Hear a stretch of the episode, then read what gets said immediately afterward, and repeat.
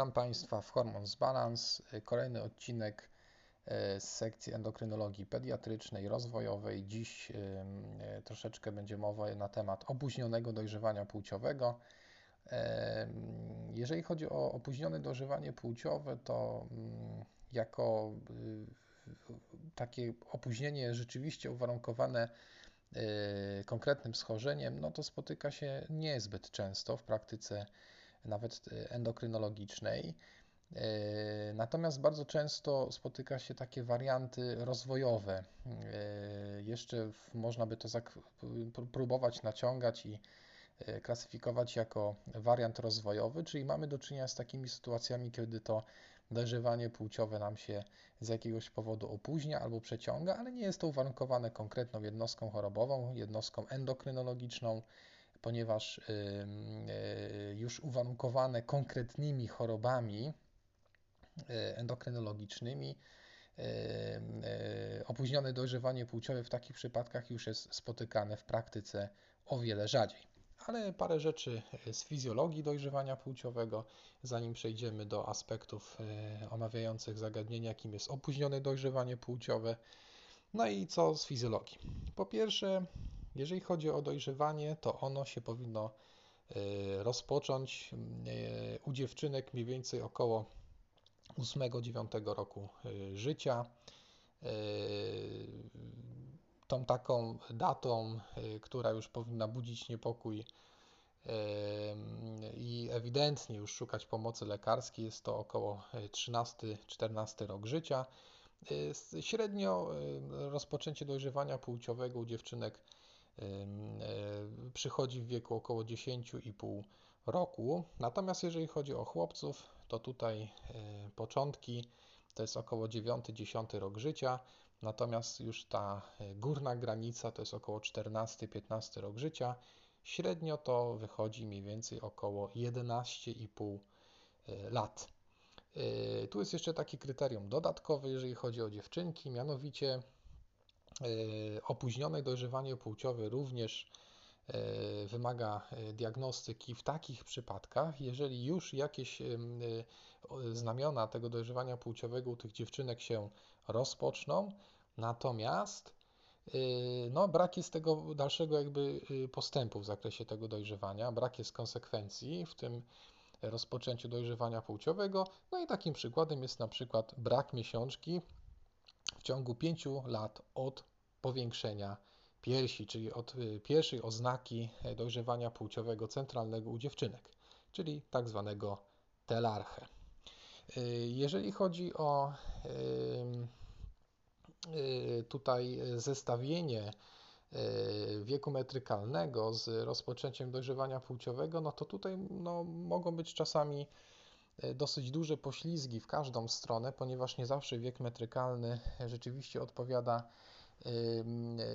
na zaawansowaniu y, dojrzałości biologicznej danego organizmu. Y, I tutaj lepszą korelację wykazuje jednak wiek kostny w stosunku do y, rozpoczęcia dojrzewania płciowego, ponieważ ten wiek kostny oznaczany na podstawie rentgena ręki niedominującej rzeczywiście koreluje tutaj ze stopniem dojrzałości biologicznej Y, organizmu o wiele bardziej, o wiele lepiej, y, lepsza jest ta korelacja niż w przypadku wieku metrykalnego. No i czasami te lata, czy tam wieki kostne i metrykalne potrafią no, się rozjeżdżać. Tak jak powiedziałem w poprzednim odcinku, jeżeli chodzi o kwestie niskorosłości, te takie granice tolerancji przyjęte i uznawane za jeszcze normę, to jest mniej więcej 2 lata różnicy między tymi poszczególnymi parametrami oceniającymi e, dojrzewanie e, płciowe e, wieku rozwojowego. No i tutaj taka korelacja tego wieku kostnego z rozpoczęciem się dojrzewania płciowego to jest około 11 rok życia u dziewczynek, u chłopców mniej więcej 12-13, czyli jeżeli podam taki przykład. Jeżeli y, przychodzi dziewczynka 13-letnia, ale y, z wiekiem kostnym 11 lat, to tak na dobrą sprawę dopiero W tym wieku kosnym, tak na dobrą sprawę, dopiero to dojrzewanie płciowe należy się jego po prostu spodziewać. I wiek metrykalny jakby nam tutaj żadnej informacji w ocenie takiej dziewczynki nie daje. Jeżeli chodzi o pierwszy objaw, objaw dojrzewania płciowego, to tak jak powiedziałem, to jest powiększenie piersi u dziewczynek, czyli w takiej medycznej terminologii jest to telarche. No i tu jest taki jeden wariant normy przyjęty, choć on jest trochę moim zdaniem lekko naciągany. Mianowicie szacuje się, że około 15% dziewczynek y, pierwszym objawem jest pojawienie się jednak owłosienia łonowego i pachowego, a nie powiększenie piersi. Ale jeżeli się diagnozuje e, zazwyczaj e, takie dziewczynki, gdzie pierwszym objawem jest jednak pojawienie się e, owłosienia, które jest tak swoją drogą zależne od androgenów, no to zazwyczaj no, tam znajduje się jednak pewne jakieś nieprawidłowości, które później wymagają jakiejś korekcji. Także y, wyjątkowo rzadko się zdarza taka sytuacja, że, y, że pierwsza oznaka w postaci pojawienia się owłosienia łonowego i pachowego jest, taką całkowit, jest taką całkowitą normą, wariantem normy. Natomiast u chłopców jest to powiększenie jąder powyżej 3-4 ml. No oczywiście, jeżeli ktoś ma dużą wprawie w ocenie wielkości jądra, to wystarczy tylko e, te jądra pomacać, natomiast jeżeli e, no, nie wykonuje się tego, e, tej oceny wielkości jąder na co dzień, no to temu ocenie wielkości tego jądra służy taki przyrząd, co się nazywa ruchidometr.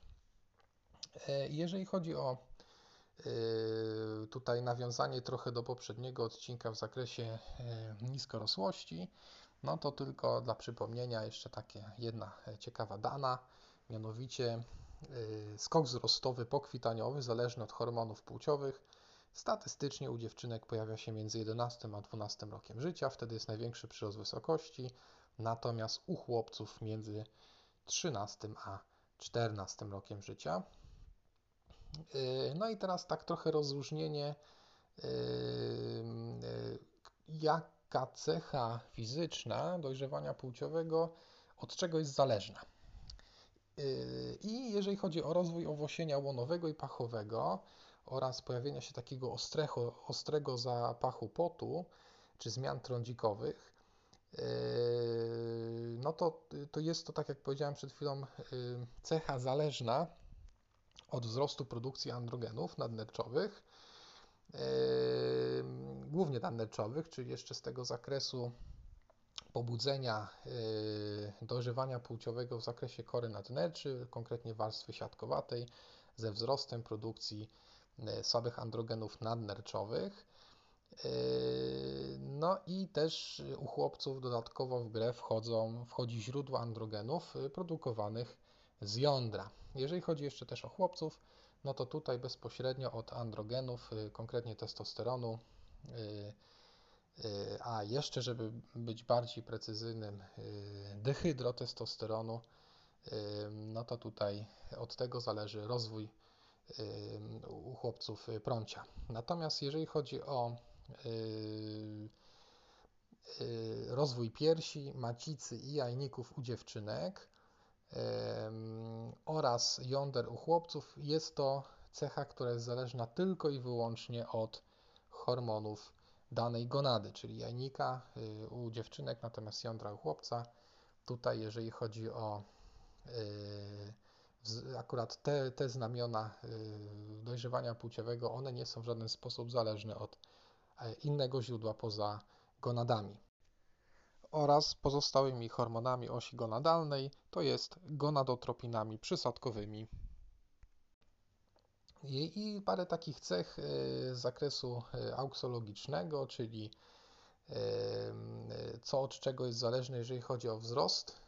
No i jeżeli chodzi o wzrost kończyn, no to już była o tym mowa w poprzednim odcinku. Wzrost kończyn w wieku już rozpoczęcia dojrzewania płciowego zależy w głównej mierze od hormonu wzrostu, natomiast wzrost tułowia jest zależny od hormonów płciowych. Zresztą to ma też znaczenie bardzo takie praktyczne, ponieważ jeżeli chodzi o stwierdzenie sylwetki tak zwanej eunuchoidalnej, czyli takiej, gdzie dominuje wzrost kończyn w stosunku do tułowia, to jest to sylwetka charakterystyczna dla gonady, która po prostu nie produkuje wystarczającej ilości hormonów płciowych, no i te dysproporcje w tym wzroście poszczególnych części ciała po prostu uwidacznia.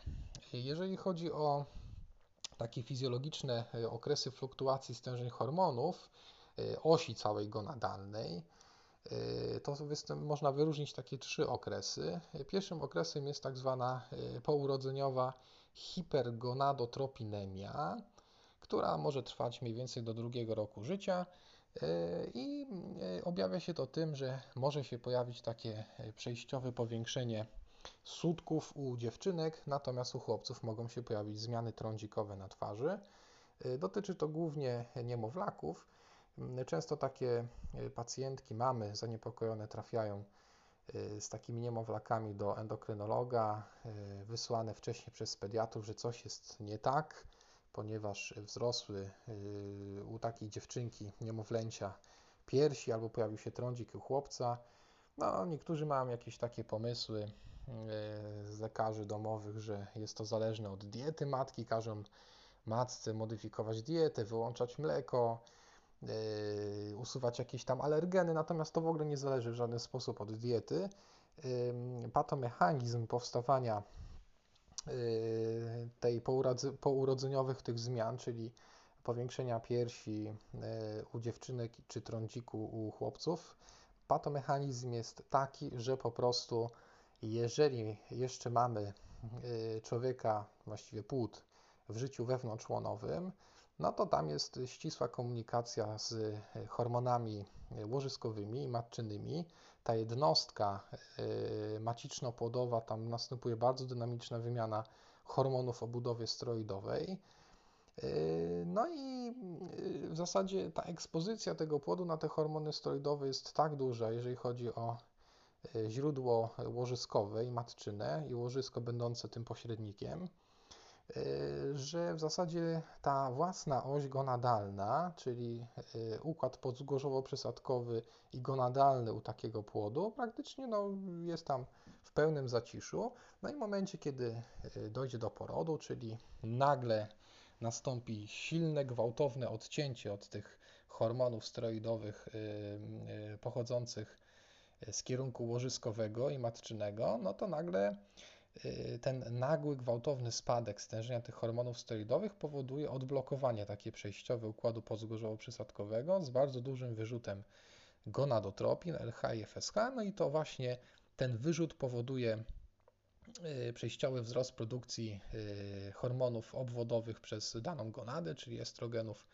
przez jajnik, testosteronu przez jądro, no i wywołuje właśnie te objawy kliniczne, z którymi później te zaniepokojone matki z tymi noworodkami się zgłaszają do endokrynologa. Fachowo, jeżeli chodzi o rozrost tkanki góry czołowej u e, noworodka płci żeńskiej, fachowo e, to się nazywa jako telarche precox. No i jeżeli chodzi o telarche precox, jest to taka cecha, która ustępuje mniej więcej do drugiego, trzeciego roku życia.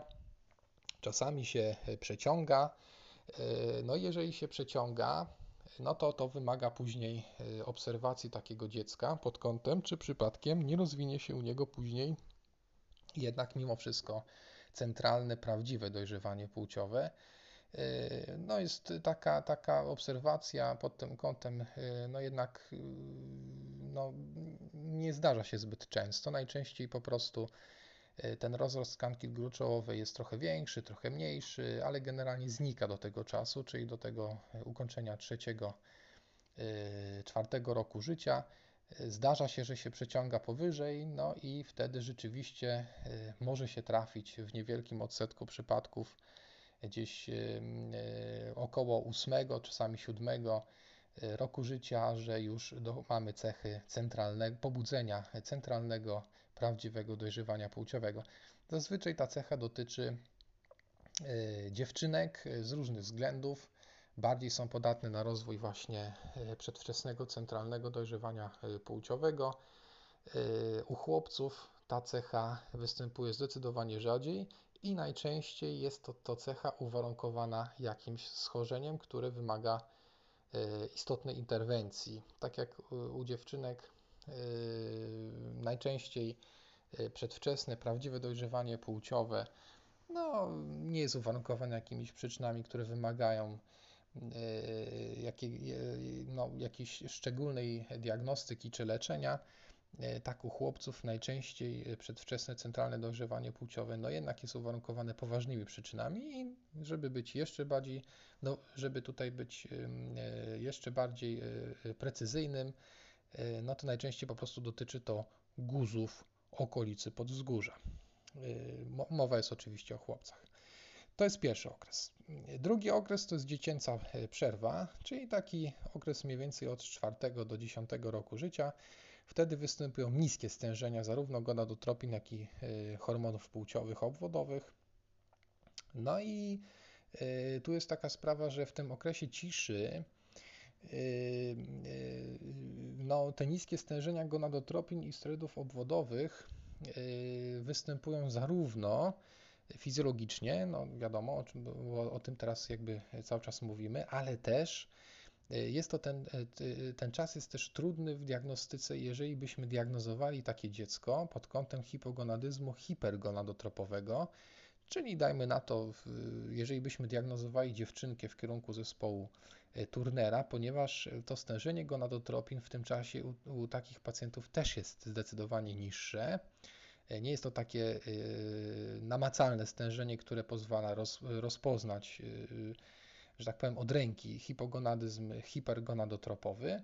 E, niemniej jednak e, w tych przypadkach, czyli tych zespołów uwarunkowanych genetycznie, które odpowiadają za hipogonadyzm hipergonadotropowy, tak jakby chociaż tutaj tego zespołu Turnera u dziewczynek, to e, te stężenia gonadotropin, FSH i LH, pomimo tego, że są też niskie, ale nie są aż tak niskie jak E, u dzieci e, całkowicie zdrowych. E, I trzeci okres to jest pokwitanie, no i tutaj uruchamia się tak zwany gonostat powzgórza. Istotna rola takiego czynnika, co się nazywa kispeptyna i leptyna. To one pobudzają ten gonostat w, w podzgórzu, no i tam następuje sekwencja różnych zmian, czego końcowym rezultatem jest budowa osi gonadalnej i rozpoczęcie się prawdziwego, centralnego dojrzewania płciowego. I to się objawia tym, że e, mamy tam m.in. zmianę częstości i amplitudy pulsów GNRH, czyli takiego dekapeptydu podzgórzowego, który inicjuje e, sekwencję pobudzania wszystkich hormonów e, od podzgórza aż po gonadę. Na początku to się dokonuje głównie w nocy, no potem już rozciąga się też na okres dnia, czyli występują te y, amplitudy pulsów GNRH zarówno w nocy, jak i w dzień. No i też jest, zaczyna być obserwowana w testach dynamicznych z GNRH w, w ramach diagnostyki.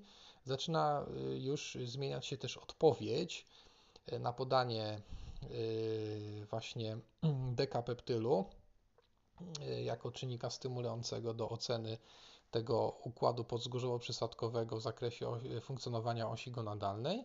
No i następuje zmiana odpowiedzi z takiej typowej przeddojrzewaniowej, gdzie dominuje wzrost FSH, LH pozostaje niskie, na dojrzewaniową, czyli jak się poda wtedy y, ten y, dekapeptyl, no to nagle y, nie tylko nam wzrasta istotnie FSH, ale także LH. No i już wiemy, że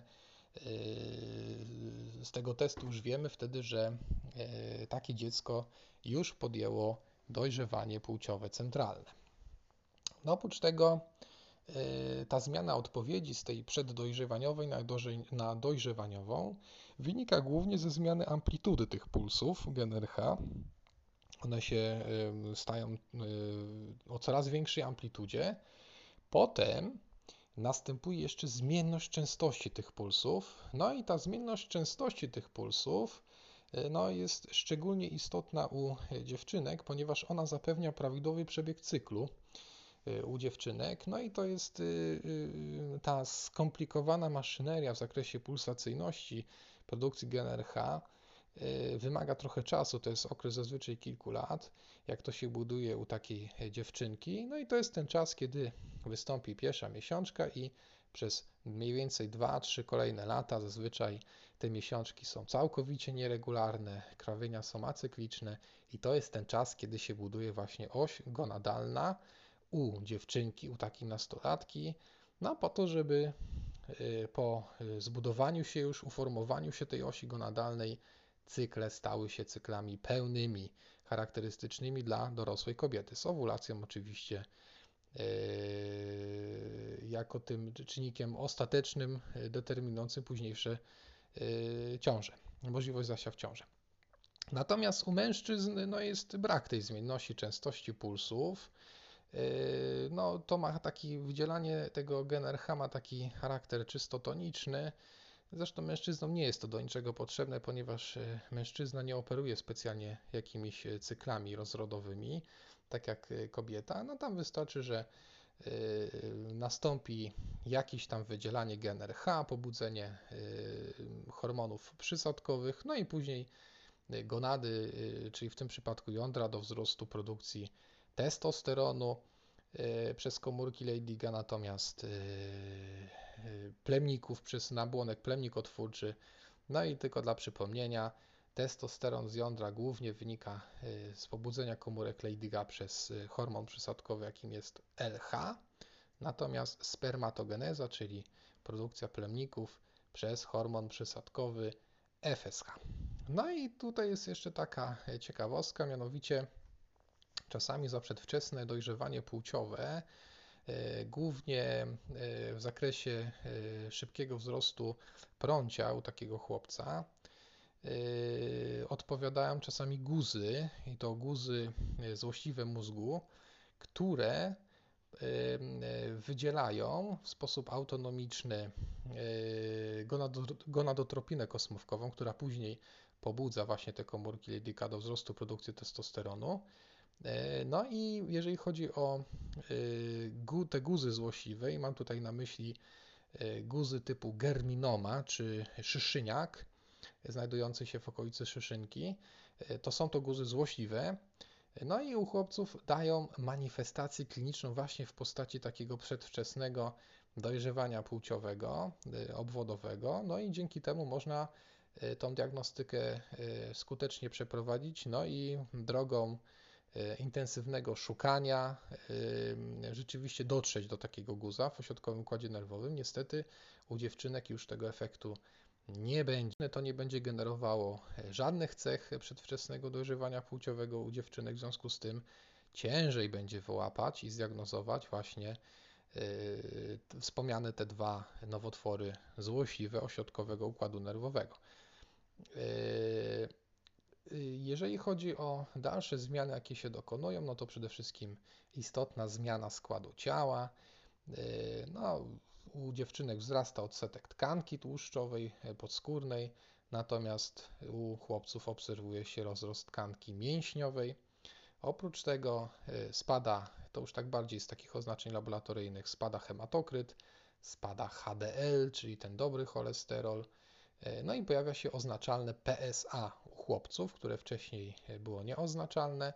Natomiast jeżeli chodzi o e, inne takie oznaczenie laboratoryjne, to mamy do czynienia z istotnym wzrostem fosfatazy alkalicznej w okresie e, skoku wzrostowego u obu płci. Czyli jeżeli e, no, trafi się taka sytuacja, że powiedzmy jest prowadzona diagnostyka hepatologiczna w kierunku jakiegoś tam uszkodzenia wątroby, no i jeżeli u takiego nastolatka wyjdzie nam wysoka fosfataza alkaliczna, no to wtedy podnosi się larum, ojej, ojej, coś tam się dzieje z tą wątrobą, a tak na dobrą sprawę, głównie na tą frakcję fosfatazy alkalicznej, w takich przypadkach składa się właśnie ta, yy, składa się właśnie ta frakcja kostna, czyli yy, yy, ta frakcja, która jest tam się no, silnie produkuje w okresie pokwitaniowego skoku wzrostowego i nie oznacza to oczywiście żadnego uszkodzenia wątroby, bo jeżeli pozostałe próby wątrobowe, czyli ALAT, ASPAT czy GGTP jest w normie, to oczywiście nie oznacza tutaj to uszkodzenia wątroby, a jest po prostu zwykłym takim fizjologicznym, zwykłą fizjologiczną reakcją. No i teraz już y, przechodzi, przechodzimy płynnie do y, zagadnień z opóźnionego dojrzewania płciowego. Trochę było tej y, fizjologii takiej auksologicznej, rozwojowej. No i tutaj, jeżeli chodzi o opóźnione dojrzewanie płciowe, no to trzeba by wyróżnić taką jednostkę chorobową z pogranicza patologii i fizjologii, to jest specjalnie wydzielona jednostka chorobowa, mianowicie jest to KOWD, czyli konstytucjonalne opóźnienie wzrastania i dojrzewania. No zdecydowanie częstszy u chłopców, zdecydowanie rzadszy u dziewczynek. U chłopców ta częstość to jest nawet 70-80%, e, na u dziewczynek to jest 10, raptem 20%, o wiele rzadsze zaburzenie.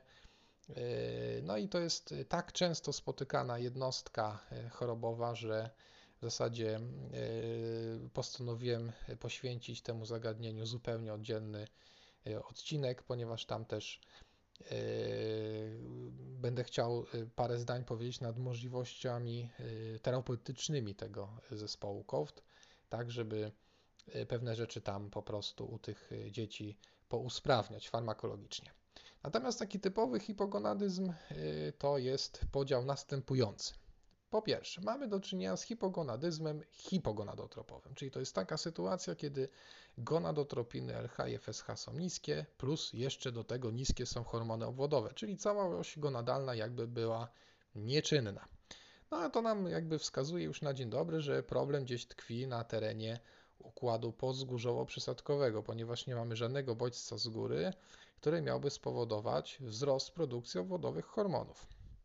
No i takim flagowym przedstawicielem, jeżeli chodzi o e, taki prawdziwy hipogonadyzm hipogonadotropowy uwarunkowany genetycznie jest zespół Kalmana. No i jeżeli chodzi o ten zespół Kalmana, e, on w klasycznej postaci dziedziczy się e, z chromosomem X, więc chorują na niego w klasycznej postaci tylko chłopcy, natomiast w postaciach nieklasycznych, czyli tam są troszeczkę inne mutacje genetyczne, i to już nie są y, sprzężone mutacje sprzężone z chromosomem X, to w tych nieklasycznych postaciach chorują zarówno chłopcy, jak i dziewczynki. No ale jest to taka domena raczej męska, jeżeli chodzi o zespół Kalmana.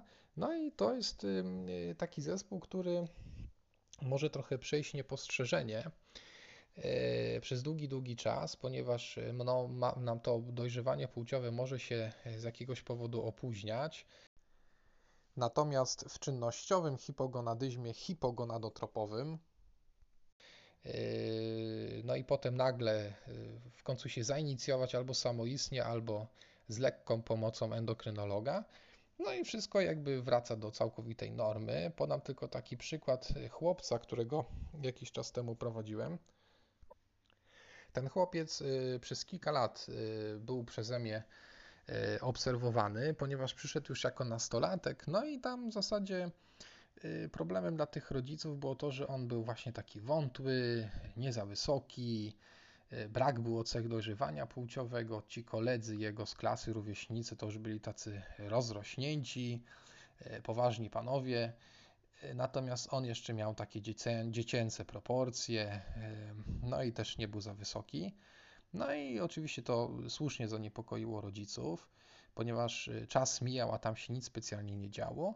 No i y, jak już było wiadomo, że y, rzeczywiście tam nie ma jeszcze podjętego dojrzewania płciowego, no to trzeba było to dojrzewanie w jakiś sposób spróbować wyindukować. No i ta indukcja polegała na zastosowaniu primingu za pomocą małych dawek testosteronu no i ten priming, yy, yy, jaki zastosowałem z wykorzystaniem testosteronu u tego chłopca, miał służyć takiemu celowi, żeby wykazać, czy ta przysadka, układ pozgorzowo-przysadkowy jest reaktywny, czy on może rzeczywiście odpowiedzieć zainicjowaniem swojego własnego dojrzewania płciowego. Jeśli tak by się nie stało, no to prawdopodobnie zacząłbym powolutku ukierunkowywać tą diagnostykę, ten panel diagnostyczny w kierunku zespołu Kalmana. Na szczęście tutaj odpowiedź przysadki jednak była po tym primingu. No i minęło trochę czasu, zainicjowało się e, własne dojrzewanie płciowe z pobudzeniem osi gonadalnej. No, przyszło to z pewnym opóźnieniem, ale generalnie rzecz biorąc, już dzisiaj ten chłopiec wygląda jak mężczyzna, urósł, zmężniał, e, potrzebowała tylko ta jego przysadka, ten układ pozgórzowo-przysadkowy po prostu potrzebował tylko zachęty z zewnątrz żeby ten proces w końcu zainicjować. Y, tak na dobrą sprawę u niego, y, no można by to domknąć i ja to też tak domknąłem ostatecznie, jako hipogonadyzm hipogonadotropowy o charakterze czynnościowym, czyli po prostu no ten gonostat y, pozgórzowy, no tam był leniwy, no nie chciał się rozruszać w zakresie wzrostu produkcji tych hormonów pozgórzowych i potem przysadkowych, no i trzeba było po prostu tam jakoś go zachęcić do tego, żeby w końcu ruszył. No i się y, udało. Także nic poważnego w postaci zespołu Kalmana y, temu chłopcu się nie przydarzyło. No ale wracamy do zespołu Kalmana. Schorzenie stosunkowo rzadkie, uwarunkowane genetycznie, o czym już wcześniej mówiłem. No i tam jest takich parę cech diagnostycznych, które trochę naprowadzają, mianowicie wzrost i wiek kostny zbliżony jest mniej więcej do wieku kalendarzowego, i to się dzieje aż do czasu rozpoczęcia pokwitania, czyli mniej więcej do tego wieku kostnego około 11 lat u dziewczynek, czy 12-13 lat u chłopców, wszystko przebiega normalnie, tak jak u y, zdrowego całkowicie chłopca czy dziewczynki.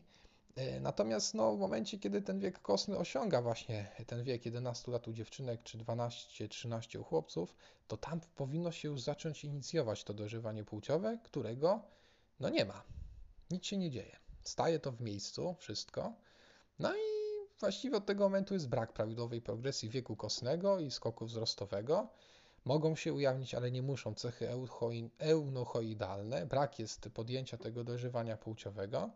No i wtedy w ramach prowadzonej diagnostyki, jeżeli najpierw stwierdzimy, że jest to hipogonadyzm hipogonadotropowy, no to później musimy jeszcze takiego pacjenta e, zapytać o parę takich e, znamiennych cech y, charakterystycznych dla zespołu Kalmana, mianowicie czy nie ma jakichś problemów w wadach rozwojowych nerek, tu chodzi głównie o agenezję nerki, czyli zanik jednej nerki, czy nie występują też takie zaburzenia neurologiczne oraz czy też nie ma jakichś wad w zakresie podniebienia, no i przede wszystkim też bardzo cecha charakterystyczna tych klasycznych postaci zespołu Kalmana, czy nie ma zaburzeń węchu, ponieważ E, tam e, uszkodzenie genetyczne e, genu KEL, który właśnie jest dziedziczony z chromosomem X, dotyczy komórek, które pierwotnie wywodzą się z, z tego samego rdzenia, co komórki węchowe. I, no i w wyniku tej mutacji nie powstają ani komórki węchowe,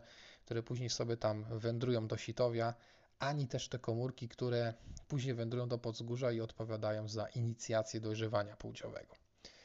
Y, to jeżeli chodzi o hipogonadyzm hipogonadotropowy, natomiast jeszcze mamy hiper, hipogonadyzm hipergonadotropowy, czyli sytuacja jest taka, że hormony obwodowe są niskie, natomiast hormony przysadkowe, gonadotropiny są bardzo wysokie. No i to w zasadzie już na dzień dobry nam pokazuje, że patologia dotyczy gonady i tam należy szukać yy, możliwej patologii.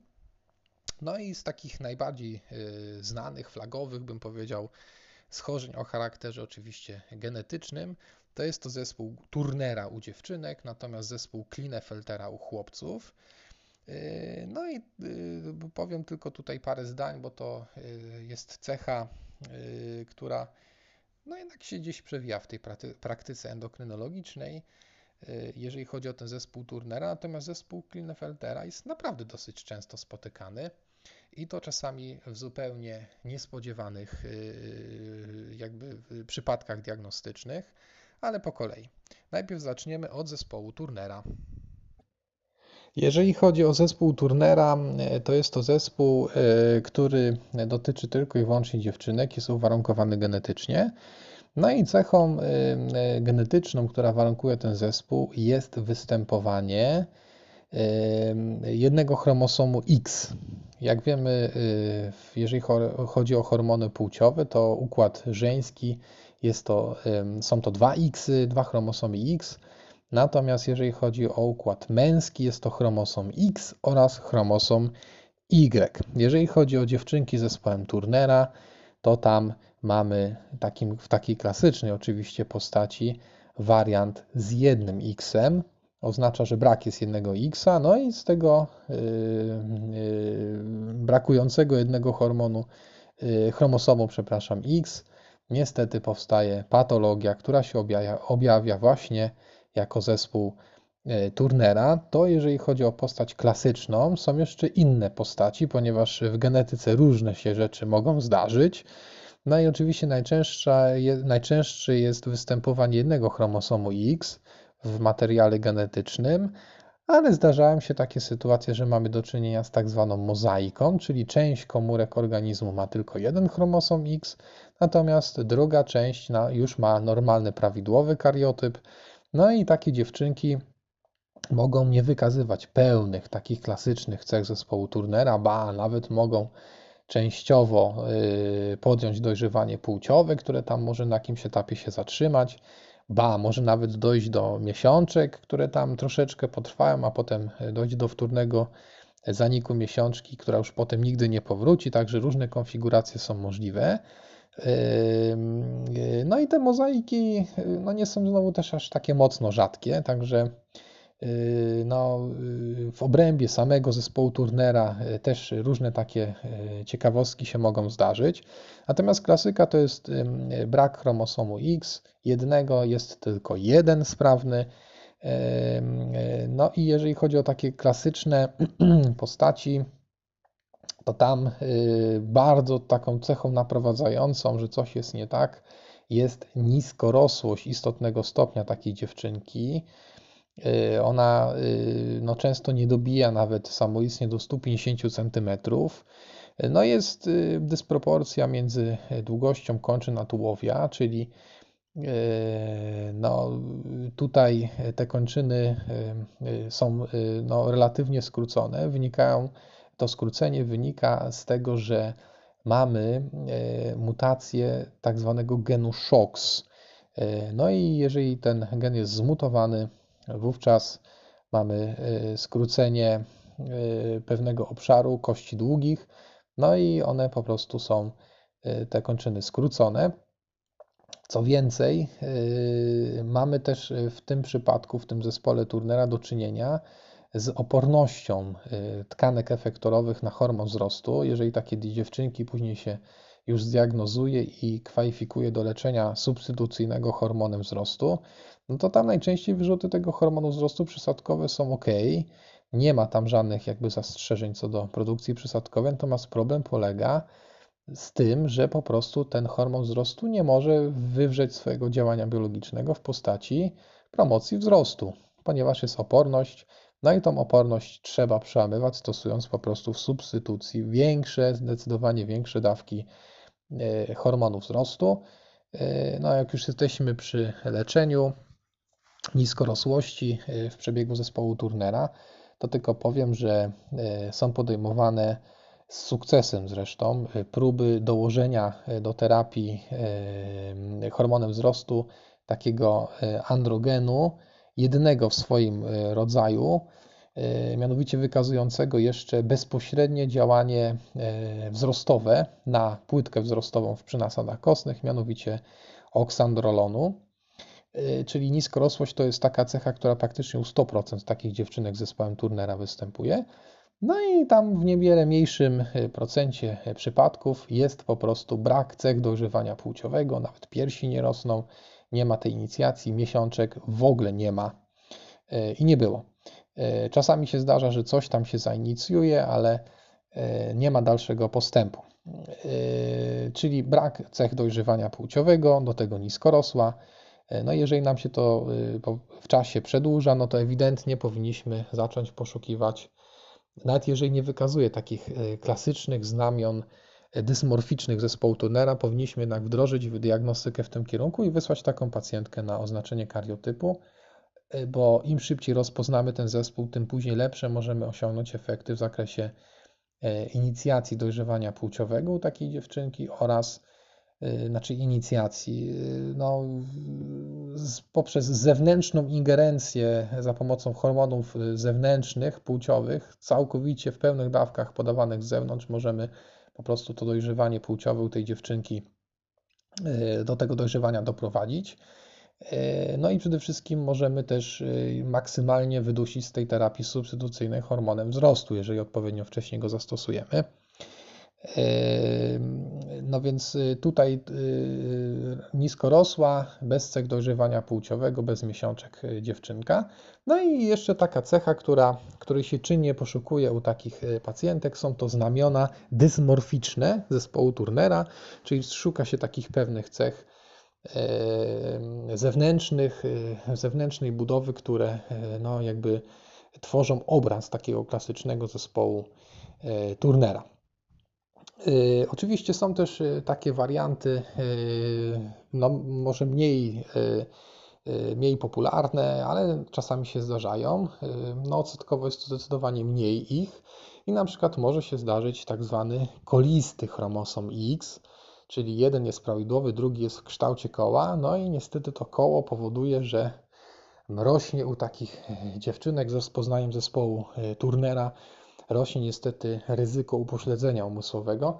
Normalnie w takim klasycznej postaci z jednym chromosomem X tego upośledzenia nie ma. Są pewne takie zaburzenia kognitywne, e, ale to nie są zaburzenia silnie wyrażone.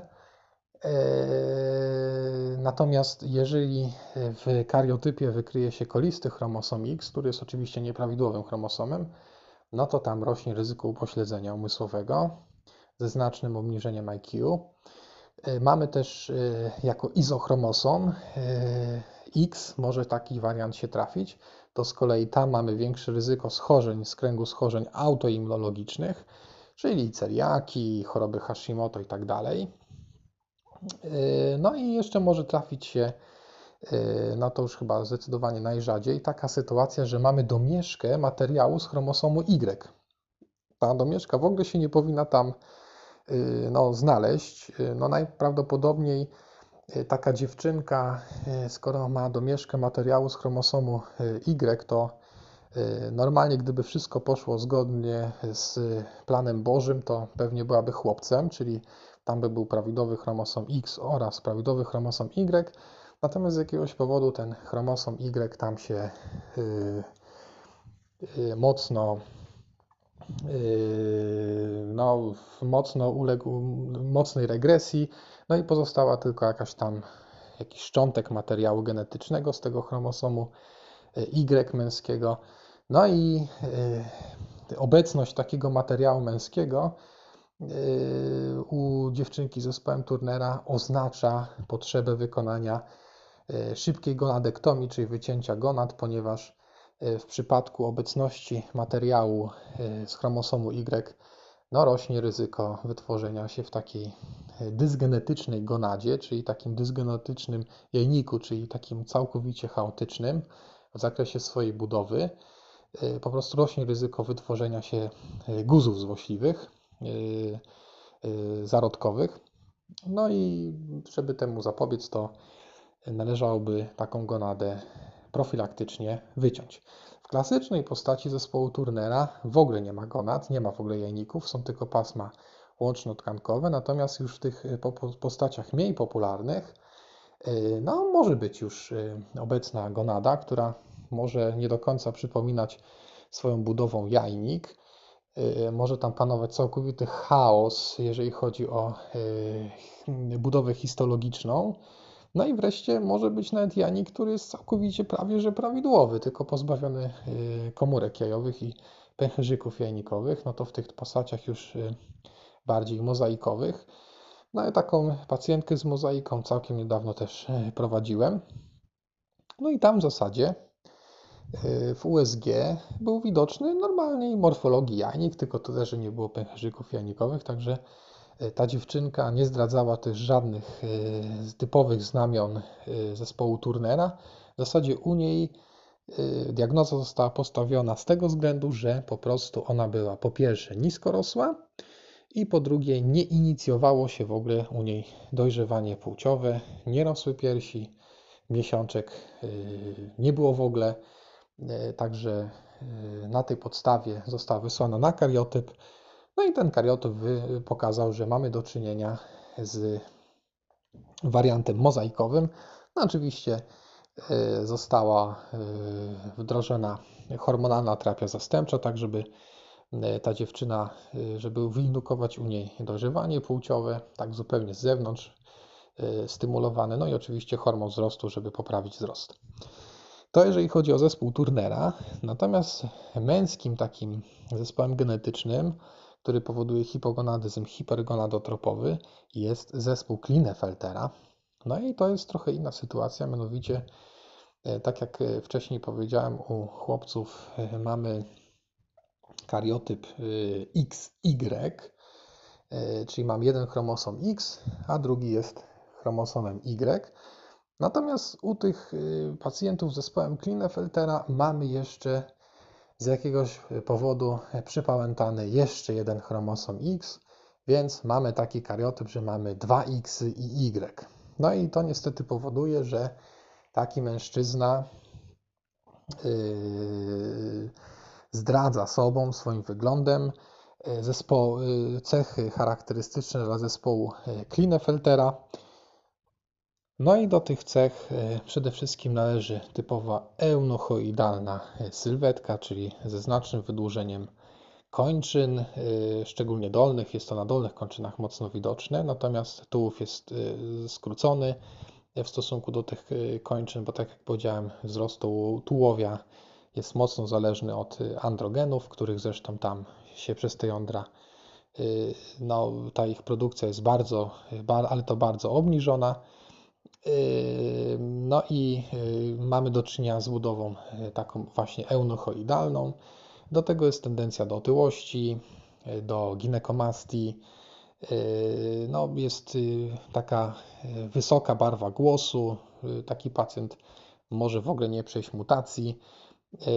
No i generalnie, no, jeżeli chodzi tak, o taki wygląd pierwszy, pierwsze wrażenie jest takie, że ta skóra jest taka bardzo mocno wygładzona, bez zmarszczek, dobrze nawodniona, e, czyli trochę przypomina to e, jakościowo skórę u kobiet, taką dopieszczoną, ładną. E, jeżeli chodzi o włosy, one też są takie dosyć bujne, także tych takich typowo męskich cech, jeżeli chodzi o taki wygląd zewnętrzny, to one się praktycznie w ogóle u takiego pacjenta nie przejawiają.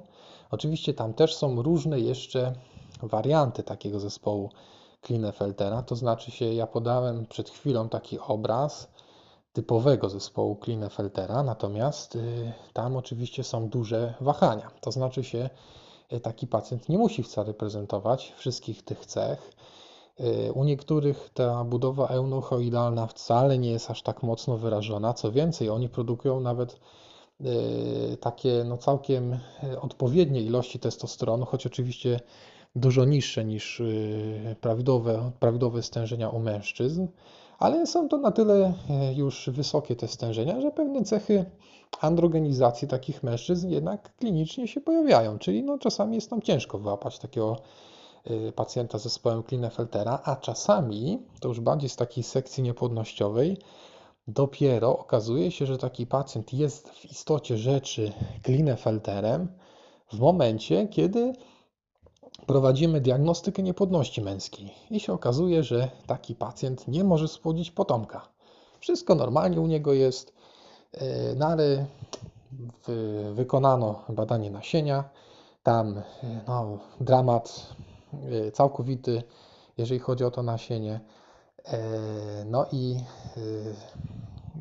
tak mało plemników w tym spermiogramie było zawartych, że no, skłaniało tutaj y, do wykonania badania genetycznego oznaczenia kariotypu, w którym to właśnie y, wyszło później, że mamy do czynienia z układem XXY. No i to było, może być ogromnym zaskoczeniem dla takiego pacjenta, który dotąd siebie uważał za zdrowego mężczyznę, w pełni zdrowego mężczyznę. E, no, jeżeli już troszeczkę zahaczyliśmy o sekcję niepłodnościową, to może dwa zdania powiem, ale to jest dosyć istotne. Po pierwsze, jeżeli chodzi o ten punkt taki, gdzie już takiego pacjenta należałoby jednak skierować na kariotyp, to po pierwsze, jeżeli robimy spermiogram, czyli badanie nasienia, to ilość plemników poniżej 5 milionów w mililitrze no już powinna skłaniać ku temu, żeby jednak no, szukać takich przyczyn genetycznych u takiego pacjenta. No i co więcej, nie musi to oznaczać, że jeżeli tych plemników w tym nasieniu jest tak mało, że ten pacjent stoi całkowicie na straconej pozycji. Dlatego, że yy, można, w niektórych przypadkach ta spermatogeneza owszem jest bardzo mocno upośledzona u tych Klinefelterów, ale nie, nie aż, aż na tyle, żeby nie można było no, spróbować jednak drogą biopsji jądrowej jednak pobrać e, e, plemników bezpośrednio z kanalików plemnikotwórczych. E, no oczywiście tu jest taki trochę dylemat natury moralnej, ponieważ jest oczywiście możliwość jednak pobrania takich plemników, jeżeli tam albo w sposób samoistny, albo jeszcze po krótkiej stymulacji HCG, żeby tam, czy gonadotropinami, menopurem, żeby troszeczkę podreperować tą spermatogenezę i potem dokonać biopsji jądra z pobraniem tych plemników. No ale tutaj zawsze taki pewien, no, pewna zagwostka moralna, ponieważ te plemniki mogą po prostu też w sobie mieć ten materiał genetyczny XXY. No i tak na dobrą sprawę, pomimo tego, że zespół Klinefeltera nie jest w ogóle zespołem dziedzicznym, nagle w wyniku zapłodnienia in vitro drogą ITSI, y, czyli y, docytoplazmatycznego podania plemnika do komórki jajowej, można takiego Klinefeltera stworzyć od nowa, y, pobierając właśnie plemniki bezpośrednio drogą biopsji z jądra. No to tak, taka mała dygresja, jeżeli chodzi o sekcję niepłodnościową, ale czasami dopiero na tym etapie ten zespół Klinefeltera u tych mężczyzn się dopiero diagnozuje. Natomiast jeszcze tylko mały odgałęźnik do y, tego hipogonadyzmu hipogonadotropowego y, w kwestii leczenia, jak już jesteśmy przy sekcji niepłodnościowej, mianowicie tam w związku z tym, że patologia dotyczy układu podzgórzowo-przysadkowego, a nie gonady, ta gonada jest w uśpieniu, ale ona jest całkowicie prawidłowa. Także y, jeżeli chodzi o hipogonadyzm hipogonadotropowy, to tam normalnie można tą gonadę pobudzić do prawidłowej funkcji, jeżeli się poda coś, co będzie imitowało prawidłową funkcję układu pozgórzowo-przysadkowego, czyli zastosuje się na przykład HCG w dawkach yy, stymulacyjnych, spermatogenezę yy, u chłopców, czy tam u mężczyzn, lub też gonadotropiny w postaci menopuru. Natomiast u kobiet też tutaj w grę oczywiście wchodzą E, gonadotropiny, e, takie syntetyczne, które e, pobudzałyby ten janik do swojej produkcji takiej funkcji endokrynnej i generatywnej, czyli z, produkcją komórek jajowych. No i jeszcze jest taka najbardziej zaawansowana metoda, polegająca na instalacji takiej pompki, która dozuje pulsy w zakresie tego dekapeptylu, tego hormonu pozgórzowego GNRH. No i te pulsy mniej więcej są tak ustalane z taką częstością, jak normalny układ podzgórzowy wysyła te sygnały. No i to tak jakby z zewnątrz trochę imituje właśnie działanie prawidłowego podzgórza, natomiast ten GNRH ten hormon w postaci syntetycznej jest dozowany z zewnątrz w postaci pompki. Także no tutaj możliwości jest sporo. No jeżeli chodzi o tą ostatnią metodę, y, ona jest oczywiście jak, jest bardzo skuteczna, y, jeżeli chodzi o tą pompę. Natomiast no, ona w polskich warunkach jest niestety bardzo mało popularna. No, chyba w głównej mierze z tego względu, że jest bardzo droga. Za granicą w Europie jest, zdaje się, ta metoda w niektórych krajach refundowana, także no, taki pacjent może sobie pozwolić, jeżeli zostanie zakwalifikowany na leczenie w ten sposób, natomiast w Polsce musi ponieść 100% kosztów takiego leczenia, a są to koszty no niestety niemałe. Wracajmy jednak do naszego hipogonadyzmu hipergonadotropowego, więc dwie najczęstsze jednostki chorobowe, czyli zespół Turnera i Klinefeltera, żeśmy omówili, no ale mamy oczywiście jeszcze tutaj inne możliwości, inne warianty zespołów genetycznych, które manifestują się w ten sposób, że mamy jednak y, klinicznie opóźnione dojrzewanie płciowe. No i żeby jak już jesteśmy trochę przy tych zespołach y, genetycznych, to zanim jeszcze y, omówię te już takie powiedzmy trochę rzadsze zespoły, które odpowiadają za opóźnione dojrzewanie płciowe, to tylko jeszcze powiem parę zdań na temat diagnostyki, ponieważ nie jest to prosta diagnostyka mimo wszystko bo y, oczywiście cech dojrzewania płciowego w skali Tannera, takich klinicznych, no to jest łatwo dostrzec, że coś jest nie tak, no ale później, żeby już ustalić jednostkę chorobową, już taką konkretną, to czasami napotyka to dosyć poważne problemy, szczególnie jeżeli diagnozujemy hipogonadyzm hipogonadotropowy, który nie jest zespołem Kalmana, to czasami no, to wymaga dosyć no, czasami różnych testów, różnych takich ocen, y, różnych parametrów, żeby rzeczywiście y, ustalić y, końcowe rozpoznanie. No i tam najczęściej po prostu ta patologia w pewnym momencie za mocno się zaciera z fizjologią w zakresie odpowiedzi hormonalnej w tych testach. No i dopiero jeżeli się kilka różnych badań wykona, no to Y, y, w tych przypadkach tych hipogonadyzmów hipogonadotropowych można w końcu pewne rzeczy zacząć włapywać. Sytuacja jest prostsza w przypadku hipogonadyzmu hipergonadotropowego, bo tam w zasadzie jeżeli się wykaże e, niskie stężenia hormonów plus wysokie gonadotropin, no to w zasadzie już wiemy, że coś z gonadą jest nie tak. Natomiast y, jeżeli mamy niskie stężenia gonadotropin i hormonów obwodowych, to nie zawsze to oznacza, że mamy do czynienia z chorobowym uwarunkowaniem, no bo czasami po prostu jest to kwestia lenistwa gonostatu podwzgórzowego, o czym już była zresztą mowa i podawałem przykład pacjenta. No ale diagnostyka. Jakie testy? Możemy wziąć, yy, wykonać sobie test z dekapeptylem, no i określić w wyniku, w różnych punktach czasowych, yy, w wyniku podania tego dekapeptylu stosunek LH do FSH. Możemy sobie tam analizować.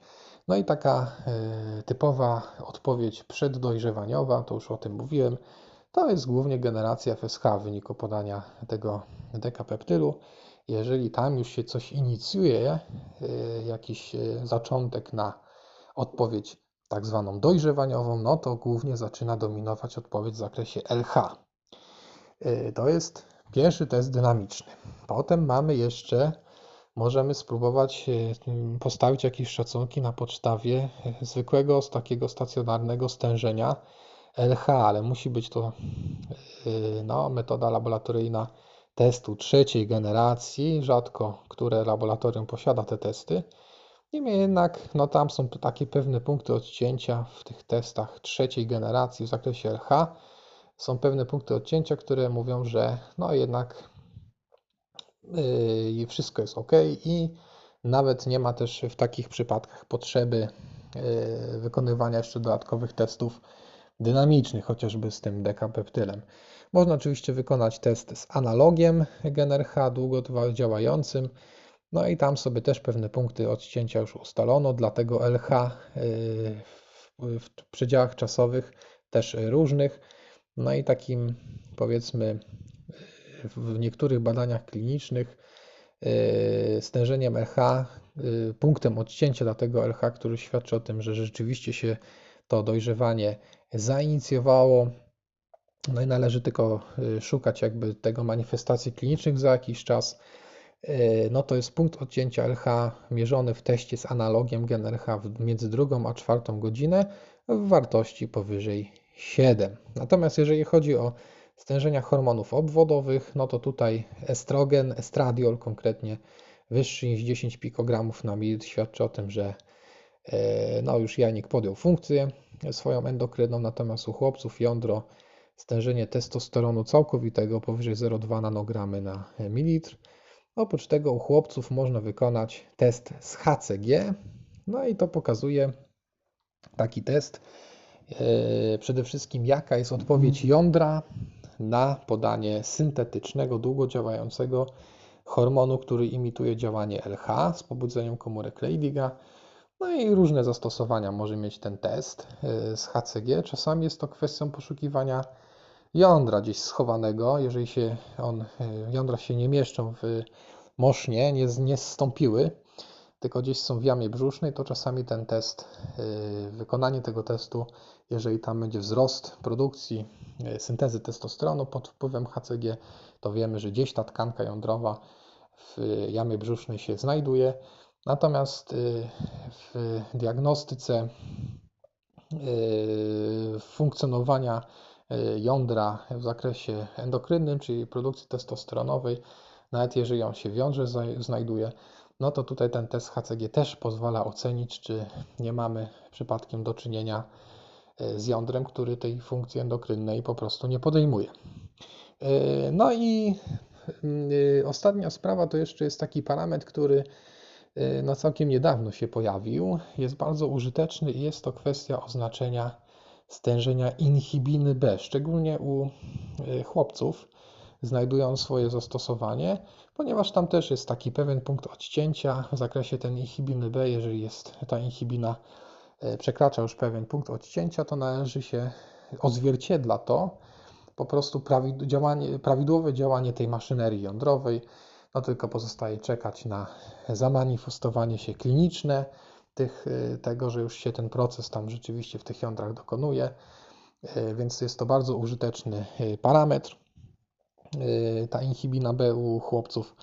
No więc różnicowanie hipogonadyzmu diagnozowanie w zasadzie hipogonadyzmu za pomocą tych różnych testów i parametrów no, robi się już troszeczkę prostsze, ponieważ dochodzą nowe parametry, e, które stają się coraz bardziej użyteczne.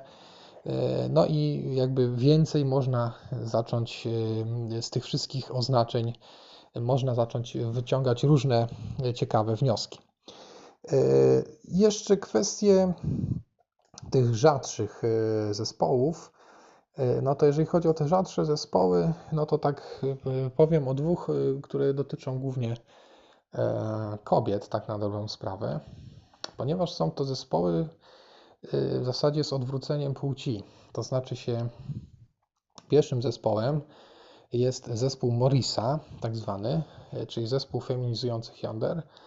No i objawia się to tym, że genetycznie mamy mężczyznę, który ma jądra, tylko że one y, sobie gdzieś tam bytują w jamie brzusznej.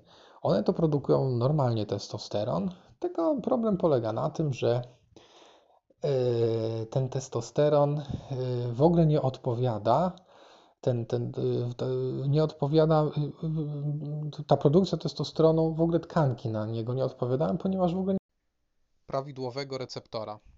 No i w związku z tym nie ma w ogóle żadnej odpowiedzi biologicznej na ten testosteron. Yy, pomimo tego, że te stężenia są bardzo wysokie we krwi tego testosteronu, no i z powodu prawidłowego receptora dla testosteronu, no taki pacjent, pomimo tego, że genetycznie jest chłopcem, mężczyzną, no fenotypowo, czyli wyglądem jest kobietą. No i to wygląda w ten sposób, że no, czasami, jeżeli tam pojawi się y, jakaś ilość niewielka tego receptora y, androgenowego gdzieś w skórze, na przykład, to pojawiają się jakieś takie drobne, drobne owłosienie płciowe w okresie, tam w okolicach łonowych czy, czy pachowych.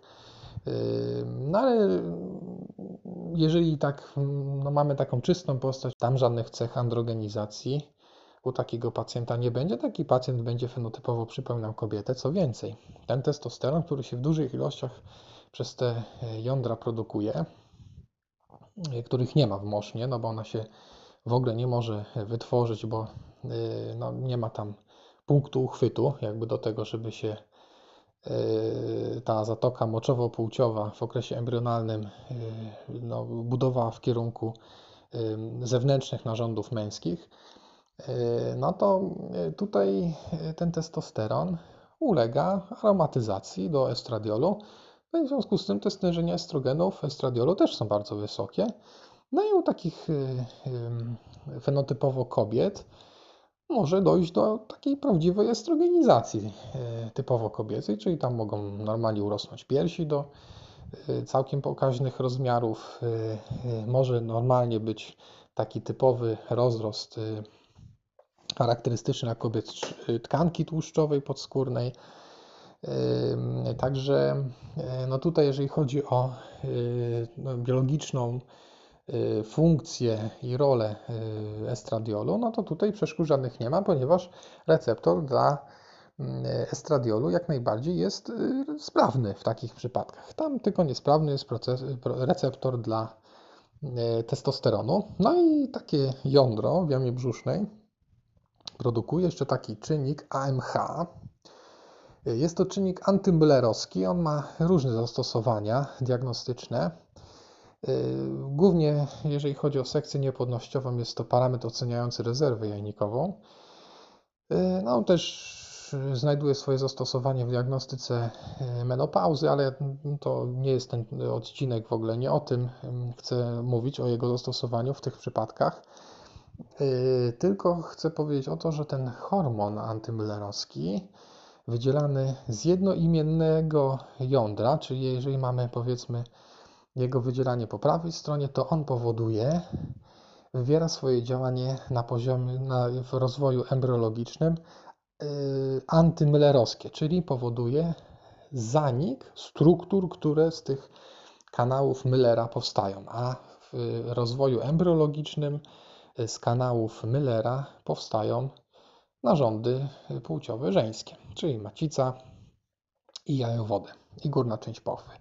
No więc y, jeżeli po prawej i po lewej stronie ten hormon AMH lokalnie się produkuje, a nic nie stoi na przeszkodzie, żeby on się tam lokalnie nie produkował, e, no to e, te narządy żeńskie wewnętrzne całkowicie zanikają. Czyli to wygląda w ten sposób, że mamy fenotypowo kobietę, która ma kariotyp męski oraz jądra produkujące testosteron schowane w jamie brzusznej, no i ma krótką, ślepo zakończoną pochwę bez wewnętrznych narządów płciowych żeńskich.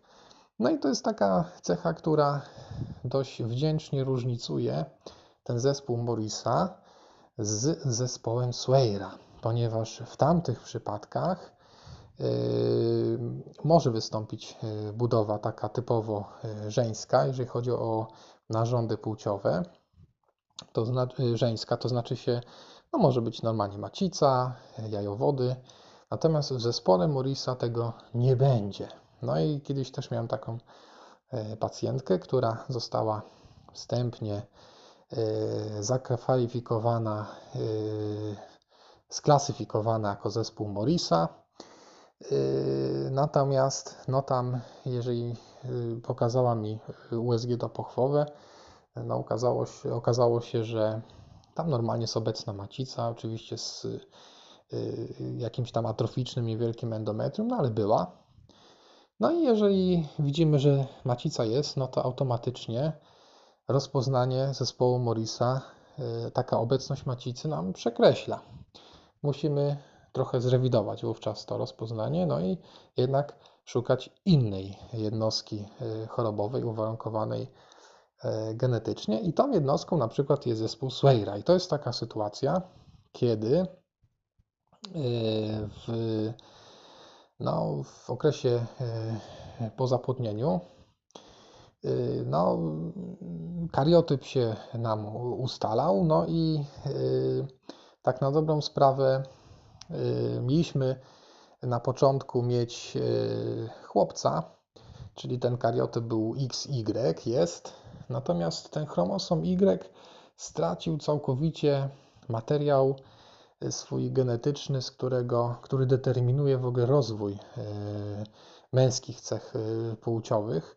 Jest tam taki gen, e, który się znajduje na tym chromosomie Y, no i on po prostu może się gdzieś przenieść, ulec mutacji, inaktywacji. No i w tych przypadkach zespołu Swayra do tego właśnie dochodzi, czyli mamy normalnie kariotyp XY, natomiast ten chromosom Y stracił ten gen determinujący e, budowę, e, powstawanie gonady męskiej. E, no i w związku z tym, że tego, ten chromosom Y pod tym kątem jest już no, niepełny, to gonada pierwotna w rozwoju embryologicznym ulega dalszemu rozwojowi w kierunku takiej gonady przypominającej nieco jajnik. Oczywiście ten jajnik jest dysgenetyczny, czyli to nie jest prawidłowy jajnik. Natomiast jeżeli chodzi o e, narządy e, płciowe, zewnętrzne czy wewnętrzne, no to tutaj w związku z tym, że e, nie ma mowy o no, przechodzeniu, przemianie takiej pierwotnej gonady w jądro i z produkcją następową testosteronu w, w życiu wewnątrzłonowym, nie ma w tych przypadkach o tym mowy, w związku z tym y, no, tam y, żadnej y, oczywiście budowy zewnętrznych narządów płciowych, czyli budowy moszny czy prącia to oczywiście nie będzie. W związku z tym, że pierwotna gonada nie będzie się różnicowała w kierunku jądra, w związku z tym nie ma mowy jakiejkolwiek o powstawaniu tego hormonu AMH antymüllerowskiego, więc te kanały müllerowskie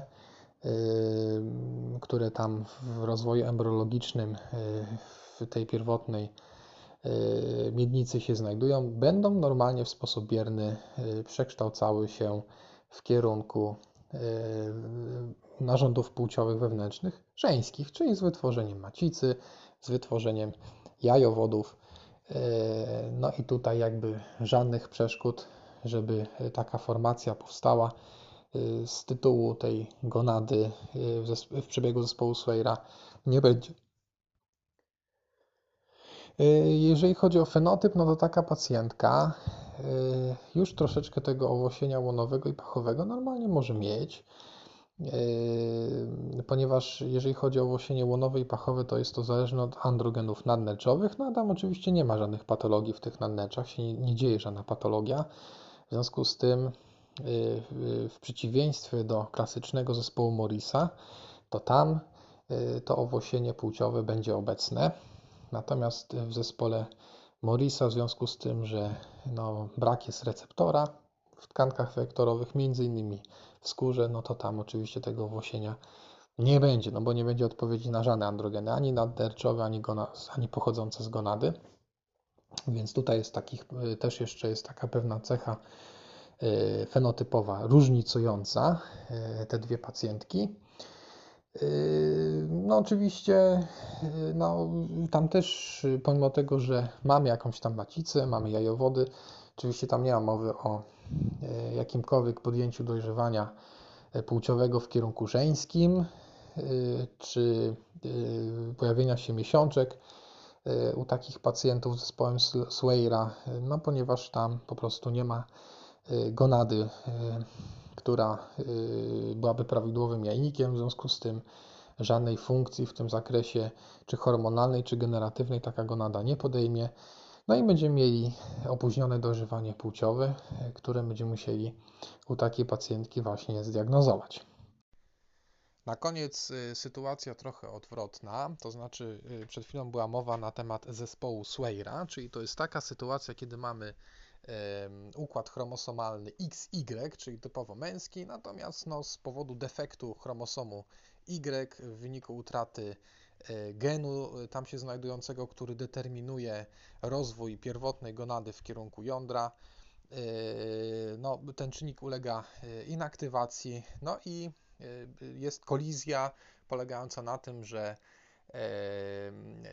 taki pacjent, czy taka pacjentka w zasadzie, ma genotyp typowo męski, natomiast cechy fenotypowe, e, czyli swój wygląd typowo żeński. I w istocie rzeczy e, jest kobietą, ma rozwinięte e, narządy płciowe wewnętrzne żeńskie.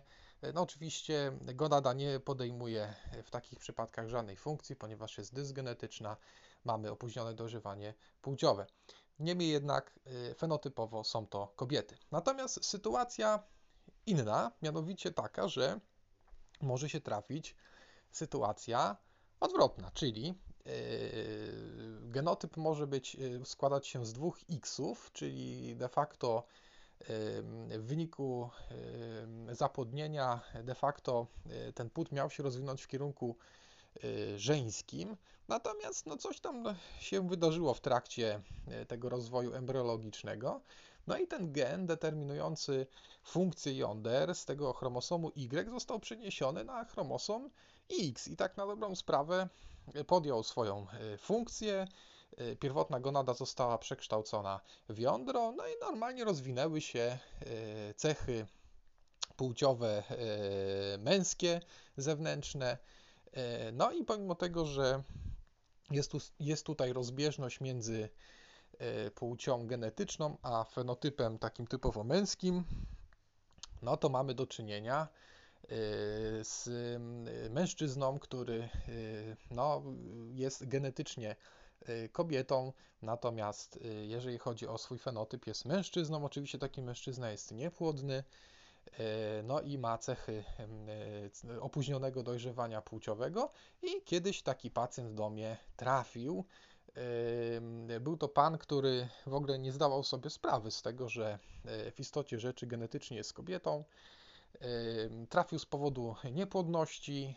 No, było widać, że jest to niepłodność uwarunkowana genetycznie, ponieważ no, tam nie wszystkie cechy męskie były w pełni rozwinięte, no i przede wszystkim w spermiogramie nie było praktycznie w ogóle plemników, co oznaczało, że gonada męska Yy, no jednak nie produkuje yy, no, tą swoją funkcję taką generatywną w zakresie spermatogenezy, no, no ma bardzo, bardzo słabą. Yy, no i tam była kwestia po prostu niemożności spłodzenia potomka.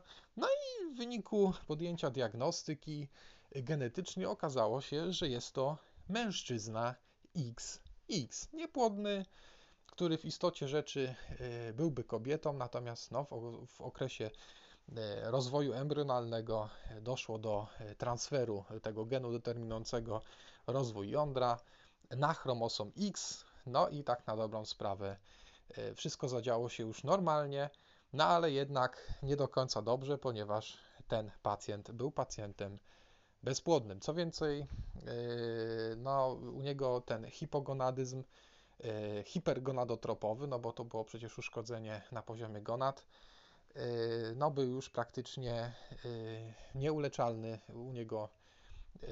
Poza tym, żeby jeszcze troszeczkę te męskie cechy zewnętrzne podbić za pomocą zewnętrznej substytucji testosteronu, to jeżeli chodzi o sferę niepłodnościową, to tam już nic nie miałem mu do zaproponowania.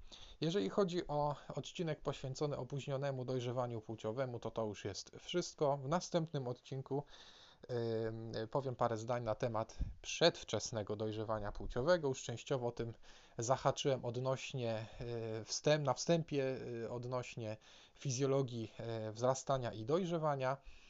Y, natomiast trochę szerzej odnośnie patologii w następnym odcinku. A dzisiaj już y, to jest wszystko. Dziękuję Państwu za uwagę i zapraszam do wysłuchania kolejnych odcinków.